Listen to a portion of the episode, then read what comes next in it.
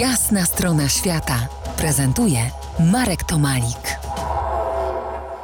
Po jasnej stronie świata Tomek Chyziński, który przepedałował 47 tysięcy kilometrów na pięciu kontynentach. Rozmawiamy dzisiaj o czteroletniej podróży Tomka rowerem. Podróż przez Andy to potężny wysiłek, to walka z własnymi słabościami i z głodem. Zatrzymajmy się chwilę w wiosce Indian, gdzie trafiłeś do niecodziennego muzeum.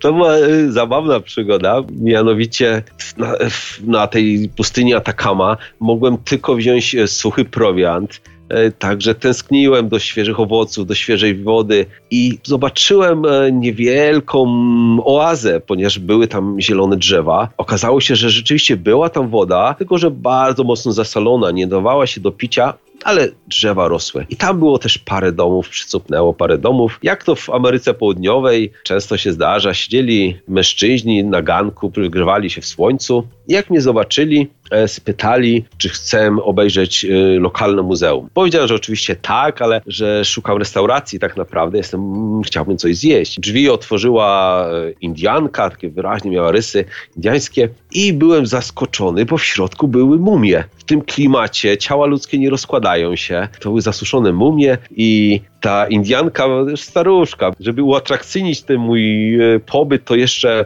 jeszcze tam poruszała chustką młodej dziewczyny, tej mumii e, i tak na oczy nasuwała, no wywarło na mnie wrażenie.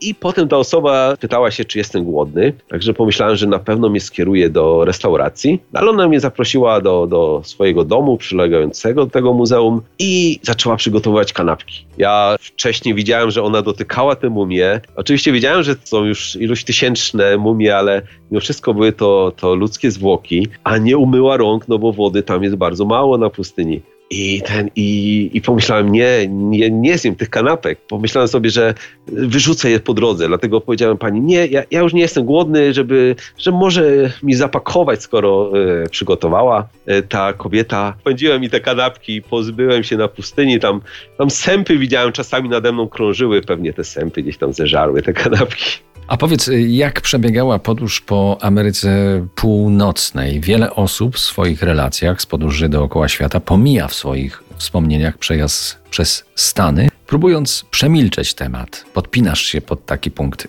widzenia?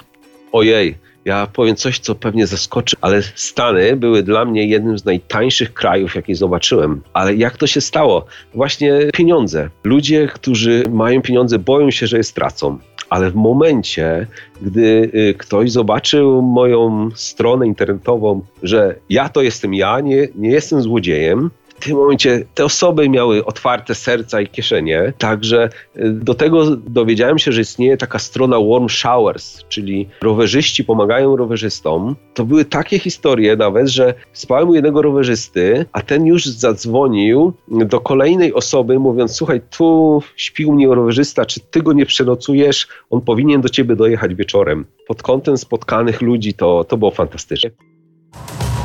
To jest jasna strona świata w RMS Classic.